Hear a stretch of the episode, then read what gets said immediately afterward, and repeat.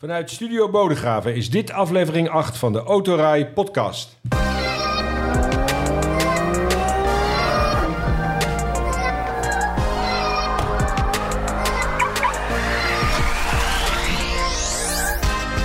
De Autorij podcast is de talkshow over auto's. Autonieuws, actualiteit, alles over auto's en mobiliteit direct of indirect verbonden met auto's.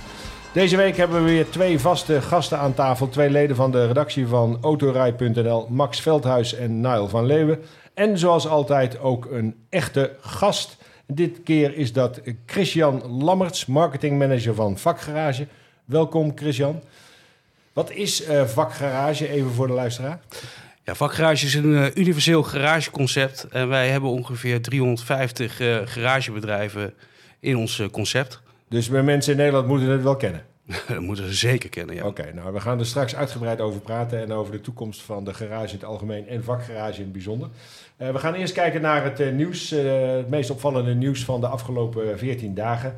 En dan beginnen we bij jou, Max, want jij hebt gereden met de BMW 330e Touring. En die yes. heeft een bijzonderheidje, vertelde je mij. Ja, de 330e Touring is dus een plug-in hybride auto. En die plug-in hybride auto die heeft iets ingebouwd in het uh, uitdrijfsysteem van BMW en dat heet de e-drive zone. En wat is een e-drive zone? Nou, e-drive zone dat is eigenlijk hè, dat is ooit ontstaan in Rotterdam als een pilotproject, uh, een proefproject. Uh, en wat BMW daar heeft gedaan, die hebben daar een zone, een virtuele zone rondom de stad gemaakt. Um, waar een plug-in hybride dus automatisch overschakelt op de elektrische modus. Krijgt hij dan een of ander signaal of eh, is dat uh, via Zit op GPS, GPS, oh, navigatiedata. Dus als de auto, als jij uh, bijvoorbeeld ergens in het centrum van Rotterdam moet zijn, dan gaat de auto automatisch berekenen van oké, okay, ik moet zoveel kilometer elektrisch rijden binnen die zone. En zodra jij die zone binnenrijdt, krijg je een melding op je iDrive-scherm, schakelt de auto automatisch over naar de elektrische rijmodus en dan rij je dus volledig elektrisch het stadscentrum in. Maar je zegt, uh, moet elektrisch rijden, dat is waarschijnlijk toekomst. Want nu mag je elektrisch rijden daar. Je moet het nog niet, toch? Ja, klopt. In een stad uh, mag je natuurlijk gewoon nog steeds met de benzineauto uh, voorbehouden natuurlijk aan de milieuzone. echt oude diesels mogen vaak stadscentraal niet meer in. Benzines nu nog wel. Wat er in de toekomst gaat gebeuren, weten we niet. Maar dit is eigenlijk al een beetje voorsorteren op inderdaad de emissievrije stadcentra die er misschien ooit gaan komen. Op dit moment weten we dat nog niet. Uh, maar het lijkt wel uh, in de lijn der verwachting te liggen dat op, op termijn uh, emissievrije mobiliteit verplicht wordt in stadcentra. En dan zijn die e-drive zones dus eigenlijk al een mooie voorzet daar naartoe. Want als een auto automatisch elektrisch rijdt in de stad, ja, dan kun je dus gewoon daar nog steeds uh, komen. Maar dan moet je dus wel altijd een uh, geladen batterij hebben uh, voordat je dat stadsdeel inrijdt. Want anders dan zou de auto er maar zo mee kunnen stoppen. Nou, dat is natuurlijk wel het meest ideale geval. maar wat dus die auto ook doet, als je hem niet oplaadt en je zet de navigatie dus in een stadcentrum, dan zorgt hij er tijdens de rit voor dat hij met de benzinemotor de accu zodanig ver oplaadt dat je dus alsnog elektrisch rijdt in het stadscentrum. Nu is het natuurlijk nog wel zo dat als je accu echt leeg is of je batterij echt leeg is, dan schakelt hij nog steeds over op de benzinemotor. En je kunt hem ook nog steeds in een uh, sportstand zetten, waardoor hij gewoon de benzinemotor aanslaat. Maar ja, dat zou je natuurlijk uh, in de toekomst, als het echt uh, ja, verboden wordt om met een verbrandingsmotor de stad in te gaan, dan kan je dat natuurlijk ook wat strenger maken. En zijn er al meer steden die zo'n zone hebben? Zo'n uh, e-drive zone? Zeker, zijn er echt best wel veel inmiddels. Uh, sowieso de, de randsteden, maar ook uh, onder meer Tilburg heeft er eentje, Breda, Groningen. er zijn er inmiddels al best wel wat. Het lijstje staat gewoon ook voor BMW-rijders. Die staan sowieso al in het iDrive systeem allemaal. en BMW is op dit moment ook de enige hè, die dat zo doen andere plug-in hybrides van andere merken, die hebben wel dat slim rijden. Dat ze dus uh, op basis van navigatiedata bepalen waar de elektrische energie het best ingezet kan worden. Maar BMW doet het echt met die, met die e-drive zones. Ze zijn echt de enige daarin. Het is wel echt wel een goed idee van BMW, want daarmee help je de bereiders ook uh, om te rijden waar een plug-in hybride eigenlijk ook voor bedoeld is. Hè? Het is natuurlijk een soort uh, rijdend energiemanagement systeem met een benzinemotor, of een gevulde brandstoftank en een batterij die, waarmee je elektrisch kunt rijden. Dat kan samenwerken of onafhankelijk van elkaar. Uh, uh, sommige mensen, uh, je weet je, je moet zo'n auto toch een beetje actief bedienen. Eh, en op deze manier eh, doet de auto dat voor je. Ja, het voordeel is gewoon ook als je helemaal niet stekkert. En in de tijd dat plug-in hybrides natuurlijk bijtellingsvoordeel hadden, waren er genoeg zakelijk rijders die dachten, nou ja, het zal me allemaal wel met die laadkabels. Ik tank gewoon met de tankpas van de zaak en ik rij lekker voordelig, want ik betaal bijna geen privébijtelling. Maar nu die auto dat allemaal zelf doet, ja, ook als je hem niet oplaadt, rij je dus gewoon nog steeds elektrisch eh, in de stad. Dus Ja. eigenlijk Ja. is het inderdaad heel, heel Gewoon op de benzinemotor, gewoon zuinig rijden op de snelweg. En elektrisch in de stad, dat is eigenlijk nou, natuurlijk gewoon de perfecte combinatie. Ja, maar de hybrides... eh, ja, wat wou je zeggen, Christian? Nou, maar het is toch ook een BMW. Die, eh, die elektromotor kan er ook voor een extra boost zorgen? Of, eh, Ja, zeker. Als je hem in de sportstand zet, heb je ook nog een stand sport extra boost. Dan heb je gewoon 292 pk op de achterwielen. Ja, Ja. dat is de andere kant van het verhaal. Ja. ja, kan het toch niet Multifunctioneel. laten? Nou ja, het is wel absoluut eh, multifunctioneel wat dat betreft. Je kunt natuurlijk een plug-in hybride systeem gebruiken om zo zuinig mogelijk te rijden. Eh, je kan ook de elektrische kracht benutten om extra sportief te rijden. Nou, BMW is een typische merk eh, dat toch wel een beetje voor- is voor de, voor de autoliefhebbers. Ehm, dus eh, ja, het kan echt alle kanten op met zo'n eh, 3-serie Touring. Zo'n Ja, natuurlijk is het veelzijdige auto. Eigenlijk de plug-in hybride is natuurlijk, tenminste als het huidige beleid wordt doorgezet richting 2035 met de uitfasering van de verbrandingsmotor, is er natuurlijk iets tijdelijks. Maar voor de auto's die dan nog op de markt zijn, die gaan natuurlijk niet met 2035 allemaal in één keer massaal naar de sloop gebracht worden. Dan is, zijn die e-drive zones dus nog steeds wel nuttig eigenlijk. Ja. Maar inderdaad, wat je net zegt, echt zo'n zone in eh, Nederland waar je eh, verplicht elektrisch moet rijden. Of sorry, dat je, waar je alleen eh, Emissievrij. emissievrij mag rijden. Zo'n stadcentrum, dat kennen we nog niet in Nederland. Nee. Nou, dat zal nog wel even Zo, duren. zo streng is het nog niet. Maar Maar, je, eh, zijn het nog een aardige opmerking eh, eh, dan met een hybride zuinig rijden op de snelweg, eh Nile. Maar ik heb niet het idee dat hybrides eh, heel zuinig rijden. Nee. Die zijn erg zwaar. ja, nee, klopt. Ja. Alleen het is natuurlijk wel zo. Je hebt voorkomen gelijk. En een, een, een hybride of een plug-in hybride auto is natuurlijk nog extra, nog een stuk zwaarder. Vanwege, eh, eh, ja, zo'n batterij eh, wordt ook meegesjouwd. Nou, Doe, je hebt toch wel eh, behoorlijk wat bagage in je, in je kofferbak liggen, bij wijze van spreken. Nou, hij is, die 330e is 225 kilo zwaarder dan een 330i. Ja, maar ja, ja, ik rij wel. Ik heb een gemiddeld testverbruik nu van 5,3 liter op 100 kilometer. Ja. En ik ben niet per se een heel super rustige rijder, maar ik laat hem wel consequent op. En je merkt gewoon dat dat, dat, dat helpt. Ja. Nee, klopt. Maar wat ik, wat ik eigenlijk bedoelde is... eh, op de snelweg, zeg maar, als je gewoon een constante snelheid rijdt op de snelweg, rij je natuurlijk relatief zuinig. Nee, dat is Vergeleken met eh, als Dat je met een Ja. verbrandingsmotor continu eh, ehm, eh, wegtrekt bij een stoplicht in de, in de stad, daar verbruik je gewoon veel meer. Dus juist zeg maar relatief zuinig rijden omdat je op de snelweg rijdt en dan elektrisch in de stad, dat is voor een plug-in hybride is dat natuurlijk gewoon een ideale combinatie. Hybride rijden eh, op de snelweg, eh, ja, en echt het hybride systeem zelf, hè, met de hulp van de elektromotor, eh, tijdens snelwegritten heeft niet echt heel veel effect. Het gaat echt vooral om die, die, die, stuk, die afstanden in de stad bij lagere snelheden, waar die elektromotor volledig tot uiting komt. Ja, dat is ja. een beetje die combinatie. We gaan het zien hoe zich dat ontwikkelt. Mooi nieuws wat BMW bracht, als eerste dan in dit geval. Eh, er zijn meer eh, nieuwtjes geweest de afgelopen eh, weken. En ehm, dat had te maken met een aspect wat bij auto's nogal belangrijk is, namelijk de garantie. De garantietermijnen die zijn de laatste jaren nogal uitgebreid. nou, jij bent de man van de feiten en de cijfertjes. Ja, ja, ja, ja. Nee, er kwam onlangs een bericht binnen, in dit geval van Mazda, dat ze de fabrieksgarantie verdubbelden van drie naar zes jaar. Toen dacht ik van, hey, maar dat klinkt, op een of andere manier klonk het bekend eh, in, in de oren. Toen ging ik even wat verder graven.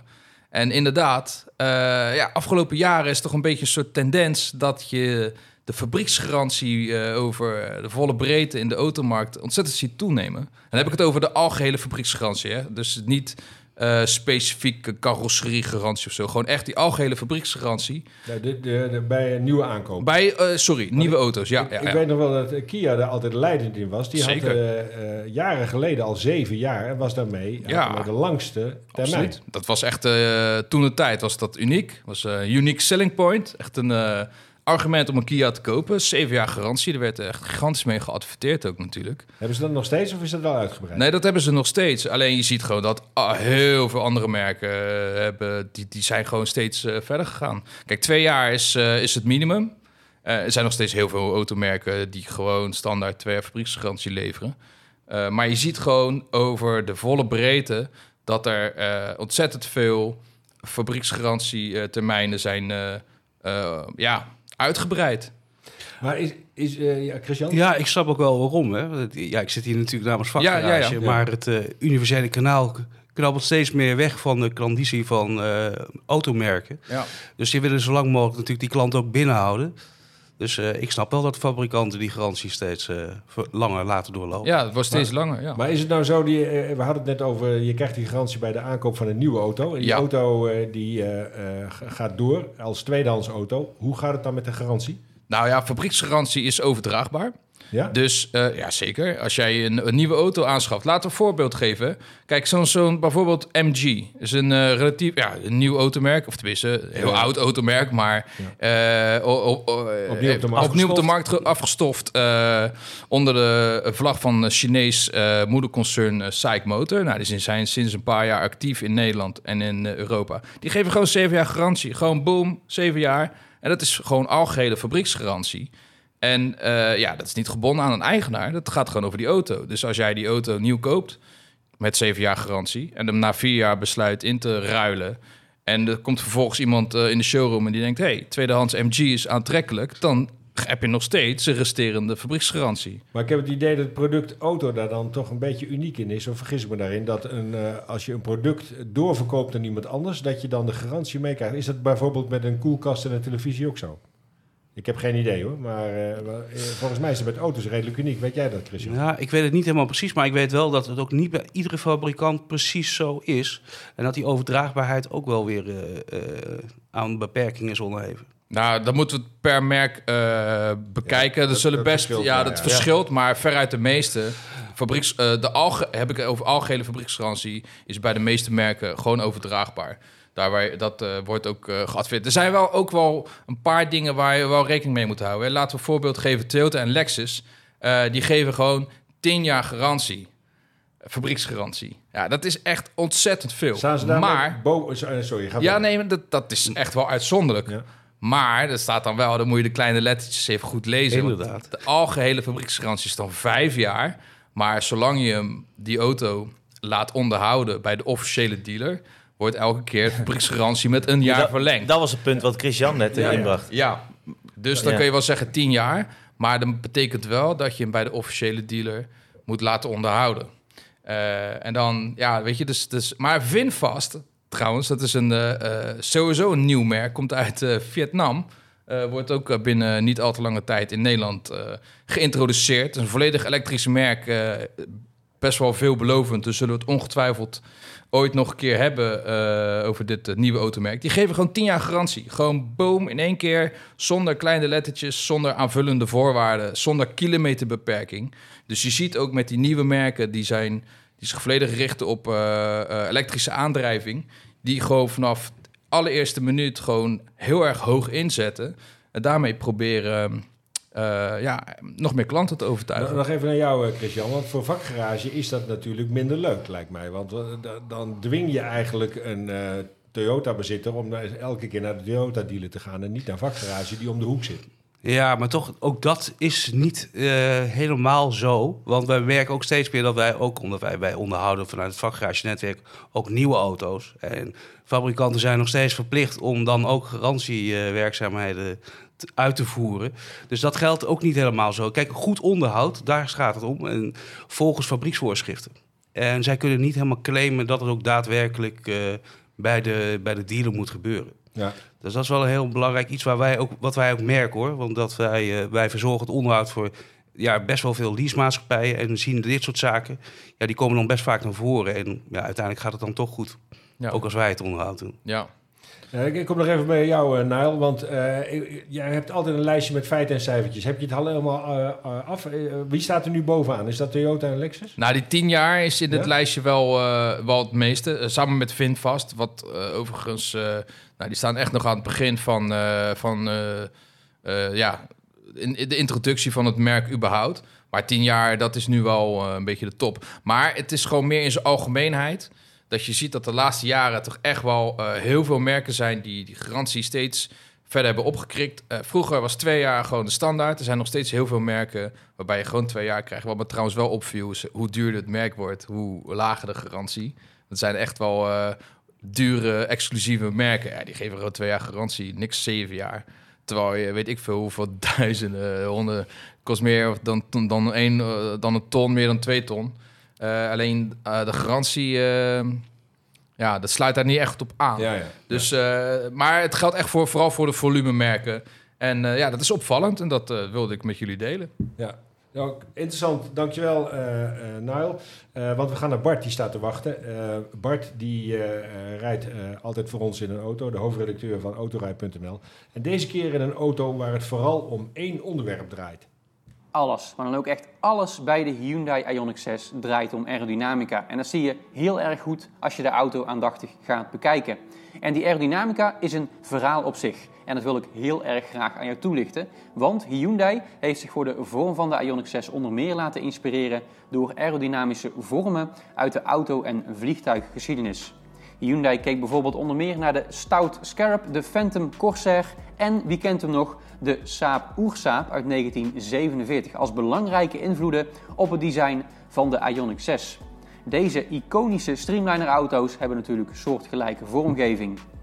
Ook van invloed op de aerodynamica van de Hyundai Ioniq 6 was de Supermarine Spitfire, een beroemd Brits gevechtsvliegtuig uit de Tweede Wereldoorlog. De ontwerpers brachten aan de zijkant van de achterspoiler van de Ioniq 6 een op de Spitfire geïnspireerde vleugel aan. En deze vleugel moet de luchtstroom van het dak absorberen en de luchtweerstand terugdringen door wervelingen aan de punt van de spoiler te minimaliseren. En deze technologie dringt ook de wervelstromen aan de zijkant van de auto terug, waardoor de luchtweerstand afneemt. Toen de ontwerpers van Hyundai klaar waren met de eerste exterieurdesigns van de Ioniq 6, doken ze natuurlijk de windtunnel in. En dat is ook wel leuk, het ontwikkelingsteam gebruikte hiervoor windsnelheden tot maar liefst 200 km per uur, gegenereerd door een ventilator van maar liefst 3400 pk. Je hoort het goed, 3400 pk. Het doel? De auto nog 10% extra efficiënt maken.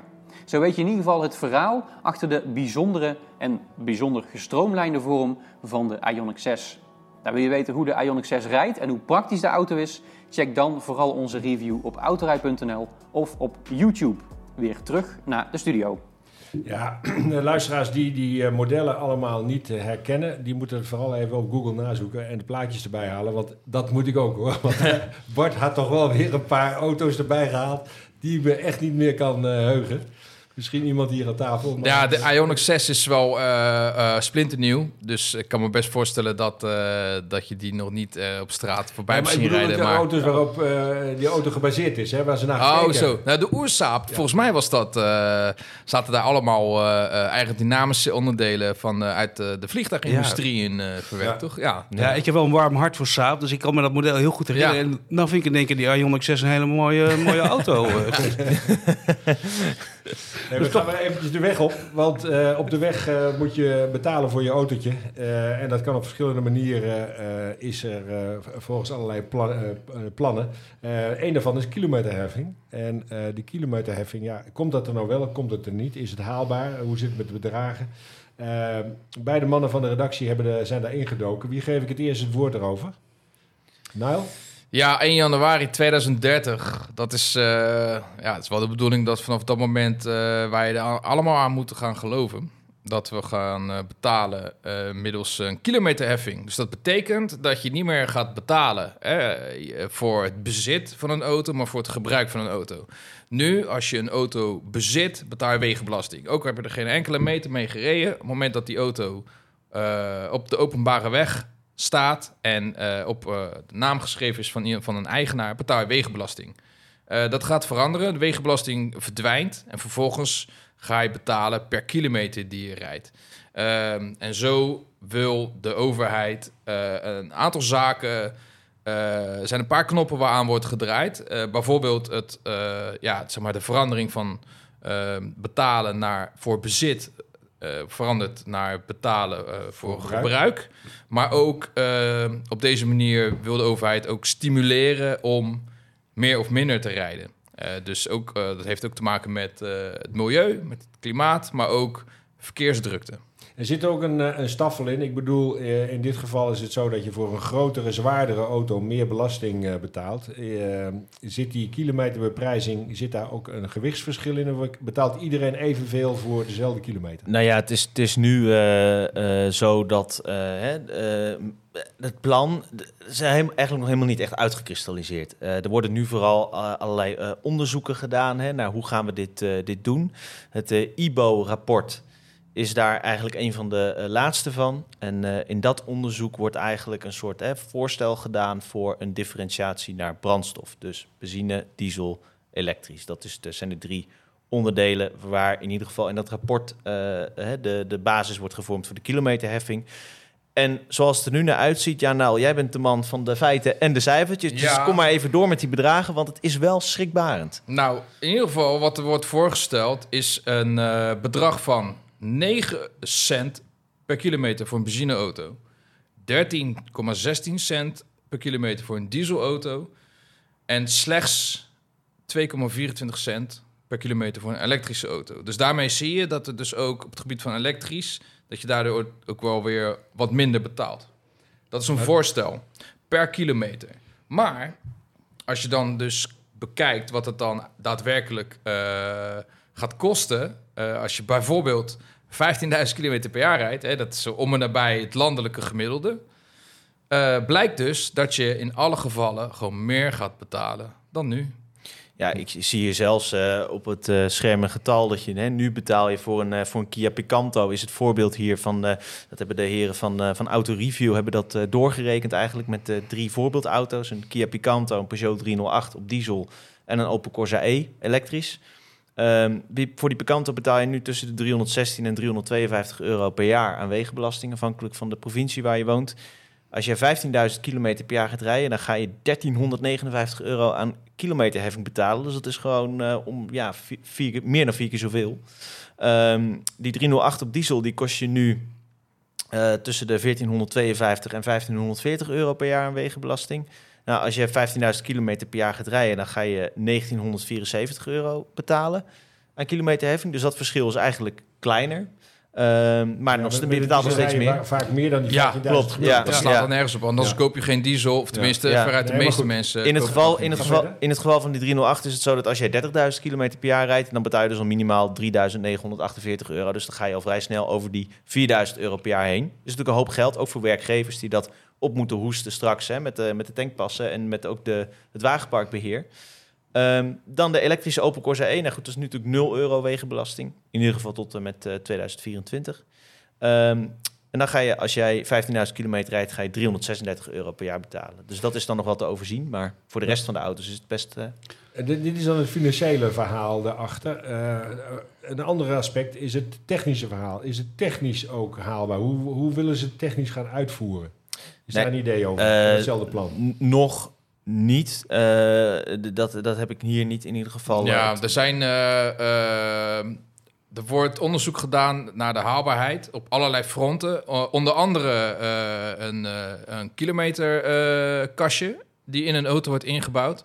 Maar dat is weer privacygevoelig. Dat is privacygevoelig. Eh, of eh, zeg maar een soort van NAP, Nationale Autopas-achtige constructie... waarbij bij eh, onderhoudsbeurten en APK-keuringen... de officiële kilometerstand wordt bijgehouden. Dat is nu gewoon om te, om te checken of de, de kilometerstand logisch eh, Ja, ja. is... en dat hij niet wordt terug, teruggedraaid. Maar dan wordt die informatie gebruikt om te bekijken van... oké, eh, jij hebt afgelopen jaar dus eh, zoveel kilometer gereden... eh, en dan krijg je gewoon een rekening. Nou, nu is het toch wel zo, Christian, dat eh, bij een onderhoudsbeurt, zelfs als ik eh, gewoon voor een, een wisselen van een ruitenwisselblad kom, dan wordt mijn kilometerstand al eh, opgenomen. Ja. ja, dat klopt. En ik kan me herinneren dat er in Nederland wel een paar testen zijn geweest met kastjes om te kijken of het allemaal werkt. Hè? Ja. Ja. Nee, dat klopt. En ook boven de weg. Nou, Ja. ja. in het buitenland ook, want daar rij je ook Ja. met een kastje. Ja, eh, dat klopt. Langs eh, de, de tolwegen. Ja, nee, in die zin is het niet uniek. Alleen, eh, ja, dat gaat natuurlijk... eh, kijk, dit zijn nogmaals, dit zijn, dit is een voorstel, dit zijn plannen.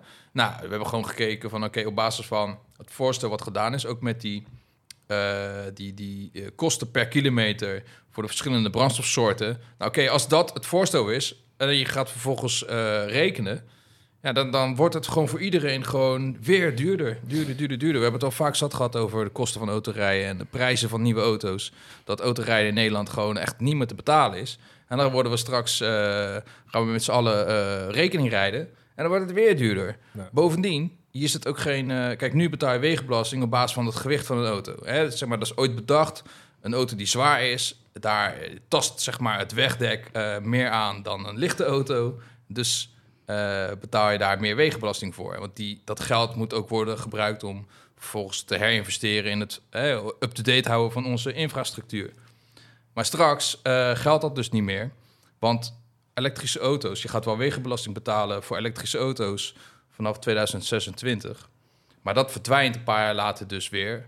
En er komt rekeningrijden voor terug. Dus al die, die loeizware elektrische auto's, ja, die worden dus niet extra belast dan een, eh, een, een, een ja, gewoon een goedkoop eh, licht benzineautootje. Maar goed, we ronden het hier even af, jongens, want anders Ja. worden we te lang over het onderwerp. Mag ik nog één ding over zeggen? Nou ja, eh, heel kort Laatste. dan. Ja? Dit gaat namelijk eh, het kosten, zeg maar, eh, rekening rijden. Eh, je gaat dus ook betalen voor de kilometers die je in het buitenland rijdt. Dus als jij veel in het buitenland actief bent, je gaat buiten Nederland op vakantie, et cetera, et cetera. Ook die kilometers worden meegerekend volgens het huidige plan in eh, de uiteindelijke rekening die je krijgt voor, voor rekeningrijden. Ja, ik, ik, ik, eh, rond het hier af. Weet je waarom ook? Wij eh, hebben de toezegging dat Olaf de Bruin, algemeen directeur van de rijvereniging, eh, binnenkort onze gast in deze podcast is. En Dat- daar gaan we het uitgebreid met hem over hebben. En lijkt hij me een zit heel nog goed dichter idee. op het vuur. Nou, goed idee. En hij zal ons daar ongetwijfeld eh, Spannend. meer over zeggen. Dus eh, luister ook de komende afleveringen, want dan zit hij daarin. Eh, want eh, Bart die, eh, die kijkt alweer om de hoek. Die staat hier buiten bij een auto. En hij heeft een ode aan een auto die eigenlijk een beetje aan het eind van zijn levensloop staat. Er komt in 2023 een einde aan de Ford Fiesta. Laat dat feit eventjes op je inwerken. Ford heeft dit treurige nieuws aangekondigd, want de kleine auto past niet langer bij de toekomstvisie van het merk. Vanaf 2030 produceert Ford alleen nog maar volledig elektrische auto's en de Fiesta zelf wordt op termijn vervangen door een compleet nieuw model. De Fiesta dus. Hij bestaat al sinds 1976 en werd destijds geïntroduceerd als een kleine, zuinige auto die niet inleverde op rijeigenschappen.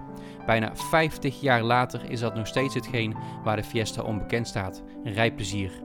En sinds de eerste Fiesta in 76 van de band rolde, bouwde Ford er meer dan 22 miljoen. Als Fiesta ST is de auto op zijn leukst.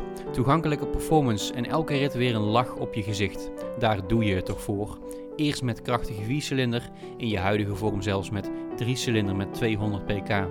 De Fiesta staat voor fun, maar aan elk feest komt natuurlijk een eind. Ja, een hele bijzondere auto. 22 miljoen, hè? dat is eh, wel behoorlijk wat. Ja, Ford Fiesta is wel een, eh, ja, een iconische auto in Nederland. Eh, Ik hoop dat die 22 miljoen allemaal eh, in de vakgarage zijn geweest, eh, Christian. Maar Daar ga ik wel vanuit. Ja, dan komen we even bij jou eh, als gast eh, bij in deze podcast. Eh, de vakgarage, eh, je hebt het net al heel even eh, genoemd wat het precies is. Ehm, hoe staan jullie er op dit moment voor? Ja, wij staan als concept heel goed voor, hè, vakgarage. Wij zijn het oudste eh, garageconcept van Nederland. Wij bestaan sinds 1991. Eh, zoals ik net al zei, we hebben bijna 350 eh, deuren. Hè. Mensen kunnen bijna overal in Nederland is wel een, vakgarage te vinden. Ja, en wat betreft onze franchise-nemers zijn ook super enthousiast over ons concept. Hè? Want wij, wij, wij doen het vanuit Nijkerk, hè, we- we- werken wij aan het concept. Maar wij doen het voor onze ondernemers. Zodat zij onze klanten kunnen helpen. En eh, de luisteraars kunnen het kennen, want jullie zijn heel herkenbaar. Elke vakgarage heeft een eigen signing, een eigen look en feel, huisstijl, noem maar op. eh, eh, Ja, volledige huisstijl, alles. ja, wij verzorgen zeg maar, voor die garagist alles. Hè, dus de herkenbaarheid. En het mooie is, de, de ondernemer is, heeft vaak in, in, de, in de regio is het al een begrip. En vakgarage versterkt eigenlijk dat karakter van die ondernemer. Dus eh, vaak is het vakgarage en de naam ervan. En dat is een combinatie die, eh, die eigenlijk heel goed werkt. Ja, bij een vakgarage kan iedereen met elk merk terecht. Want jullie zijn de tegenhanger van de, van de dealer, zeg maar. De, Ja, tegen. Wij zijn niet de tegenhanger van de dealer, maar wij zijn ook... eh, ja, wij, wij zijn eigenlijk de, het, de deur van, zeg maar, in het dorp vaak... eh, waar, waar bijna alle dealerbedrijven zijn verdwenen. En bijna ja, in elk dorp kun je bij een vakgarage gewoon terecht. Dus wij hebben gezien dat voor onderhoud voor, is niet zo bereid om heel ver te rijden. Voor om een nieuwe auto te kopen willen ze nog best wel wat, eh, wat kilometers afleggen. Maar voor onderhoud hebben ze maximaal een kwartiertje over. Ja, en dat, eh, ja, dat bedienen wij met vakgarage. En jullie zijn ook met name onderhoud. Jullie hebben geen, eh, geen verkoop. Ja, wij zijn een after-sales concept. Ja. Maar wij willen er zorgen dat bedrijven ook zeg maar, hun klanten kunnen blijven bedienen. Daarom hebben heel veel eh vakgarages ook occasions erbij. Zodat ze ook de klant op het moment dat die auto een keer aan vervanging toe is... ook weer een nieuwe kunnen aanbieden. En ook daarin proberen we behalve eh, verkoop van occasions hè, te faciliteren... ook eh, private lease concepten aan te bieden, eh, noem maar op. Dan komen we op een, een- vraag die je waarschijnlijk al vaker gehoord hebt. Tegenwoordig wordt er veel meer gekocht op internet. Allerlei producten, maar ook auto's worden verkocht via internet. Gaat het garagebedrijf op die manier een beetje verdwijnen? Of hoe zie je dat? Ja, dat is grappig, want wij, wij zien dat ook dat er heel veel traffic is op eh, het zoeken. Mensen komen vaak via internet uit op een bepaalde auto. Eh, het grappige is ook, wij werken samen met Marktplaats. En daar hebben we ook een aankoopkeuring. Die, dat is een product dat wij aanbieden als, als vakgarage. En dan zien we juist dat consumenten wel zich oriënteren via internet, maar wel een stukje zekerheid willen. En eigenlijk daar nog wel weer een bevestiging nodig hebben voor de aankoop die ze doen. En dus zo'n aankoopkeuring werkt bij ons heel goed. En mensen komen dan eh, bij wijze van spreken rijden van Den Haag naar eh, Zuid-Limburg. En gaan op zoek bij die garagist om te kijken of die auto ook daadwerkelijk eh, de moeite waard is om te kopen. Dus online traffic ja. Maar we zien toch nog steeds dat een auto kopen best wel een, een issue is. En ik denk dat het makkelijk is om een leaseauto te bestellen online. Dan dat je als particulier je spaargeld of je spaarpotje omkiepert Zeker. en een auto gaat kopen. Ja. En, eh, ik weet van eh, merkdealers dat hun onderhoudspersoneel steeds op cursus wordt gestuurd, omdat die auto's evolueren. Komt nieuwe techniek en dan moeten ze weer eh, leren. Hebben jullie ook een eigen trainingstraject? Ja, wij ehm, werken daarvoor samen met, eh, wij hebben de LKQ Academy, dat is een opleidingsinstituut. Eh, samen daarmee wo- worden, zorgen we ervoor dat ons netwerk en de mensen die er werken op hoog niveau blijven. Of goed niveau blijven. En we hebben ook een EV-concept, eh, onze vakgarage e-mobility. Want dat is natuurlijk op dit moment, zien we ook een verschuiving van, eh, van de traditionele brandstoffen naar elektrisch rijden. Ja, ook daar wordt ons, eh, ja, de mensen die bij vakgarage werken ja, in opgeleid. Ja, want je je hebt het net even genoemd, elektrisch rijden. Ehm, eh, daar zegt men van, er zit minder onderhoud aan. Daar kan ik me iets bij voorstellen, want je hebt geen zuigercilinders, geen olie, noem maar op. Aan de andere kant, banden en remmen, eh, dat is misschien nog wel meer dan bij een eh, brandstofauto. het onderstel wordt een heel belangrijk onderdeel van de auto. Daar zal echt, dat, dat gaat niet veranderen. Banden, remmen, alles wat daarbij komt kijken. Het onderstel, de auto's zijn dus eens, worden zwaarder hè, vanwege die batterijen die er in de auto zitten. Dus daar blijft een stuk onderhoud komen. En als ik dan nu kijk, dat zag de afgelopen weken ook. eh, voor ons is dat een mooi verhaal. Dat je dan hoort dat een elektrische auto misschien wel duurder is in onderhoud dan een, eh, dan een traditionele brandstof aangedreven auto. Maar laten we heel eerlijk zijn, een auto om die goed te laten rijden is onderhoud nodig. En dat blijft ook in de toekomst gewoon nodig. Ja. Ja. ja. maar wat je ook ziet bij elektrische auto's is zeker die, eh, die, die, die grote SUV's van tegenwoordig. Die, die, som- d- er zijn heel veel auto's die komen gewoon standaard eh, met 20 inch wielen. Eh, en dan ook nog met een premium band eronder. Weet je wat het kost? Ja, Even serieus. Dat is gewoon serieus geld. Eh, En als je dan gewoon een, een, een, een standaard middenklasser hè, van 10 jaar oud... eh, die gewoon op, op 17 inch wieltjes rijdt, bij wijze van spreken... Er zit echt een enorm prijsverschil tussen. Dus ja, on- dat onderhoud per definitie voordeliger is, ja, daar zijn we Ja, echt nog lang niet over uitgesproken. Ook, ook, ook draagarmrubbers en zo natuurlijk. Ja, ik bedoel, als je, hoe zwaarder je auto is, hoe eerder die rubbers en ook die, eh, al die onderdelen, die eh, de dragende, ja, dat slijt gewoon hard. Nou, dat Ja. klopt. En wij, en wij zien dus steeds meer elektrische auto's bij ons in de werkplaats komen. En dat is met name ook omdat wij de, de zakelijke markt ook eh, bedienen hè, vanuit het vakgarageconcept. En inderdaad, daar zitten auto's met, met grote wielen, eh, veel, onder, eh, veel inderdaad dragen, slijtages. Maar ruitenwissel, rubbers, ruiten, alles, uit, uit- uiteindelijk moet alles een keer vervangen worden. Ja. Dus dat is goed. Kijk, maar wij richten ons niet alleen op die elektrische auto, maar voor ons is ook heel belangrijk dat we... eh, het, in het wagenpark in Nederland is vrij oud. Dus als je dan ziet dat Een van de oudste in Europa. Inderdaad, en daar, daar, daar profiteren wij als concept ook heel erg van. Hè? Onze ondernemers zijn, zorgen ervoor dat die auto's ook daadwerkelijk goed eh, op de weg blijven. Volgens mij hebben we een oud wagenpark. Maar als ik zo naar buiten rondkijk, is het wel een goed onderhouden wagenpark wat, eh, wat rondrijdt in Nederland. Dus die BPM moet lekker hoog blijven. Nou ja, weet je, als iedereen op een gegeven moment in een elektrische auto stapt, dan zitten we ook niet op te wachten. Ik denk dat het ook heel goed is dat die auto's gewoon wel mobiel blijven. Dat die mensen ook gewoon.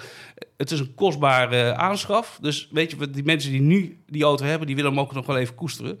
En daar profiteren wij als vakgarage natuurlijk ook van. Want mensen zijn bereid om toch wel geld uit te geven voor goed onderhoud. Ja. Nou ja, weet je, het is ook een beetje een, eh, een tendens dat we heel erg eh, snel over willen naar elektrisch. Alleen als je ziet wat er nu in de wereld gebeurt, eh, wat de plannen zijn op Europees niveau en als je ziet eh, tempo binnen Nederland, eh, ja, dan is die benzineauto nog lang niet uitgespeeld. Dus dan blijft ook de, de behoefte aan, aan eh, betrouwbare werkplaats blijft echt voorlopig ook nog eh, zeer aanwezig. Ja, Ja, je had het net over de zakelijke markt, dat jullie veel doen voor de zakelijke markt. Hebben jullie ook servicecontracten met leasemaatschappijen, met vakgarage? ja. We hebben vakgarage en we hebben vakgarage professional. En eh, ongeveer 170 vakgarages bedienen ook de zakelijke markt. En die doen, ja, dat doen ze volgens SLA's die we hebben met, eh, met leasemaatschappijen.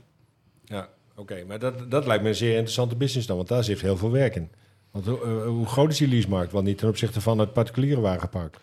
Ja, dat is een beetje een, dubbel gevoel. Kijk, het voordeel is, kijk, als het economisch wat minder gaat, is de zakelijke markt voor eh, onze uh, franchise-nemers natuurlijk een mooie aanvulling. Maar wij hebben wat dat betreft nog steeds eh, enorme wachttijden. We zien nog dat de, de, de werkplaatsen gemiddeld drie weken wachttijd is voordat je weer terecht kan. Of drie tot vier weken. Ja, dus dat loopt allemaal nog redelijk door. En die zakelijke markt is een mooie basis om je bedrijf te laten groeien. Maar het is niet de basis om daarmee de, zeg maar, de toekomst tegemoet te gaan. Hm. Ik denk dat, eh, dat wij eh, zeg maar in onze ge- de gebieden waar wij werkzaam zijn, met die particuliere markt ook, eh, die, dat we die zeker niet uit het oog moeten verliezen. Ja. Het is een eh, f- franchise-formule waar jullie mee werken. Ja. En dat houdt in dat iemand ehm, eh, dat merk eh, vakgarage kan overnemen onder een bepaald contract. Nou ja, dat. Maar wij zorgen er ook voor op het moment dat je franchise-nemer bent, dat, er ook, dat jij een eigen verzorgd, verzorgingsgebied hebt, dat het afgeschermd is. Dat, je niet, eh, dat, dat jij ook daadwerkelijk goed je boterham kan verdienen. En eh, we hebben nu 300, een kleine 350 franchise-nemers. Dat zullen er misschien ooit 400 worden. En dan houdt het ook op hier in Nederland. Dan is, het ook, dan is die markt Het is helemaal afgedekt. afgedekt. Ja. Ja, ja. En eh, nog even een cijfertje, ik weet niet of je het weet hoor, maar eh, 350 deuren zei je net. Eh, hoeveel mensen werken er ongeveer binnen vakgarages totaal in Nederland? Ja, vakgarage totaal vind ik wat lastiger. Maar ga eruit dat er, dat er vier mensen gemiddeld ongeveer bij, bij een vakgarage zijn. We hebben partijen bij waar, waar, waar Ja. de eigenaar ook samen met de monteur erin werkt. Minimaal zijn er werken er twee monteurs eh, bij een vakgarage. Dan heb je er iemand nog omheen hangen. Dus drie à vier mensen gemiddeld per, per vakgarage. Dus ik, ga, ik doe een gok 13, 1400 mensen. En hoe, eh, want hè, je gaf net aan van hè, de, bij, eh, we zitten nu ongeveer op 305, bij 400 houdt het ongeveer op. Eh, ik, ik weet sowieso dat eh, James Auto Service heb je natuurlijk ook nog. Dat is eh, in ieder geval ook wer- werken volgens mij ook met franchise nemen. Een beetje vergelijkbare formule. Maar hoe onderscheidt vakgarage zich dan weer van een, een James Auto Service? Profile? Tire Center, denk ik. Ja, ook, nou ja, er zijn heel veel concepten in concurrenten, ja, Nederland. Ja, Ja, de grotere bekende. Ja, en dan heb je, jij, jij noemt eh eh, Profile, jij noemt James. En als ik dan kijk naar James, wij hebben 70, 30 is de verhouding dat we 70% particuliere klanten hebben, 30% zakelijk. Bij James is het concept dat we zich veel meer richten op de zakelijke markt en wat minder op de particulier. Profile is echt een concept wat zich veel meer richt op het banden en alles wat er verder rechts bij komt kijken. Terwijl vakgarage een veel breder concept is. En echt meedenkt met die ondernemer ook om ja, eigenlijk ook wat meer te richten op de toekomst. ja. En eh, ja, dus echt opleiding en het hele verzorgingsgebied eromheen. Zodat we meer een mobiliteitspartner worden dan dat we alleen maar onderhoud doen. Ja, precies. Ja, er zijn natuurlijk de laatste eh, jaren ook behoorlijk wat eh, dealercontracten ook, eh, opgezegd. Dus natuurlijk in dealerland dat er ook best wel veel verandert. Nou ja, ik weet of, zelf ook dat er bedrijven zijn die wel gewoon, en het zijn gewoon ondernemers eh, die, met een passie voor hun vak, die wel gewoon doorgaan. Ja. Maar ja, dan als vakgarage, in, terwijl ze voorheen gewoon een merkdealer waren. Dus eigenlijk wordt het bedrijf voortgezet, maar dan in, onder de, de vlag van eh, universele vakgarage. Ja, goed dat je dat aangeeft, want dat is inderdaad iets wat we zeker nu zien. Hè? Nu eh, het hele dealermodel eigenlijk eh, op de schop gaat. En mensen met gaan werken met agenten, dat agentschappen. Mhm. Dat het verzorgingsgebied steeds groter wordt hè, voor het merk, maar daardoor ook een aantal deuren gaan sluiten. En dat soort ondernemers die dus vaak in zo'n nou, een klein stedelijk of dorpachtige omgeving zitten, ja, die willen wel door met hun bedrijf en met hun personeel en kiezen dan inderdaad voor Ja. een concept als vakgarage. Ja. Want hij perfect aansluit bij hetgene wat ze al deden. Het enige voordeel wat ze hebben, ze zijn niet meer afhankelijk van wat er uit de fabriek komt, wat ze ja, in een Nee. mik krijgen om de Precies. verkoop. Ja. Daarom ja. krijgen ze wat meer een eigen sturing. Ja, gewoon eh, volledige vrijheid. Ja. Ja. Ja, ze hoeven ook niet meer te voldoen aan eh, bepaalde eisen voor het gebouw of wat dan ook. Of is dat bij vakgarage nog wel, dat, Ja. dat er wel bepaalde eisen vind, ja, op de gevel bijvoorbeeld... eh, Wij zijn niet zo strikt en zo streng als een, als een fabrikant, maar ook wij hebben om het concept gewoon goed neer te kunnen zetten. En dat doen we ook in het belang van alle andere franchise-nemers. Wel bepaalde eisen als het gaat om huisstijl en eh, hoe wij onszelf willen presenteren. Nou, als, eh, je corporate identity is natuurlijk wel belangrijk om eh, zeg maar, je collectieve uitstraling te versterken. Waar alle eh, bedrij- eh, individuele bedrijven natuurlijk ook van profiteren. Ja, ja, en ik zag, ik, dat klopt. En wat het mooie ook is, dat is juist het grappige aan vakgarage. Wij zien dus dat vakgarage bijna als, als, je- als je het hebt over het universeel concept, dan komt vakgarage vaak gewoon naar voren als het, eh, ja, het synoniem voor het universele autobedrijf. Ja, En daar zijn wij zelf als vakgarage natuurlijk best wel trots op. nou, Nou, dat vind ik een mooie afronding. Eh, Christian Lammerts, marketingmanager van Vakgarage. Dankjewel voor je komst in onze podcast. Eh, we hebben nog één eh, rubriek te gaan. Eh, die duurt maar eh, 30 seconden. 30 seconds wordt die ook wel genoemd in goed Nederlands. De vorige keer had Gerard Waalbrugge uit Oud-Karspel de, de juiste oplossing. Ik weet eerlijk gezegd niet, mannen aan tafel, wat de oplossing was. Weten jullie dat toevallig nog of niet? Maar anders dan houden we hem te goed. ik was er vorige week niet bij. Nee. Kijk nou, nou. nou, maakt niet uit. We gaan door, want we hebben een nieuwe 30 seconds. En Bart Oosvogels vertelt iets over een auto zonder het merk te noemen, zonder het model, zonder het land van herkomst. Om welke auto gaat het hier? Van deze auto loopt het water je in de mond. En in het land van de reizende zon ben je geboren. Misschien nog iets te vroeg, maar aan de andere kant ook weer niet. Je naam heeft een connectie met iets wat nog moet gaan gebeuren. Ook ben je onderwerp van discussie. Maar voor nu neem je als een van de weinigen de leiding. Rara, eh, welke auto is dit? Eh, stuur je antwoord naar podcast.autorij.nl. En volg eh, autorij.nl op de site, op Facebook, Instagram en YouTube. En laat een review achter op je favoriete podcast-app. Mail vragen en opmerkingen naar podcast.autorij.nl. Ik dank nogmaals Christian Lammerts hier als gast aan tafel, Nijl van Leeuwen en Max Veldhuis. Dit was het voor nu. Tot de volgende Rijveilig en geniet van al het moois op de weg.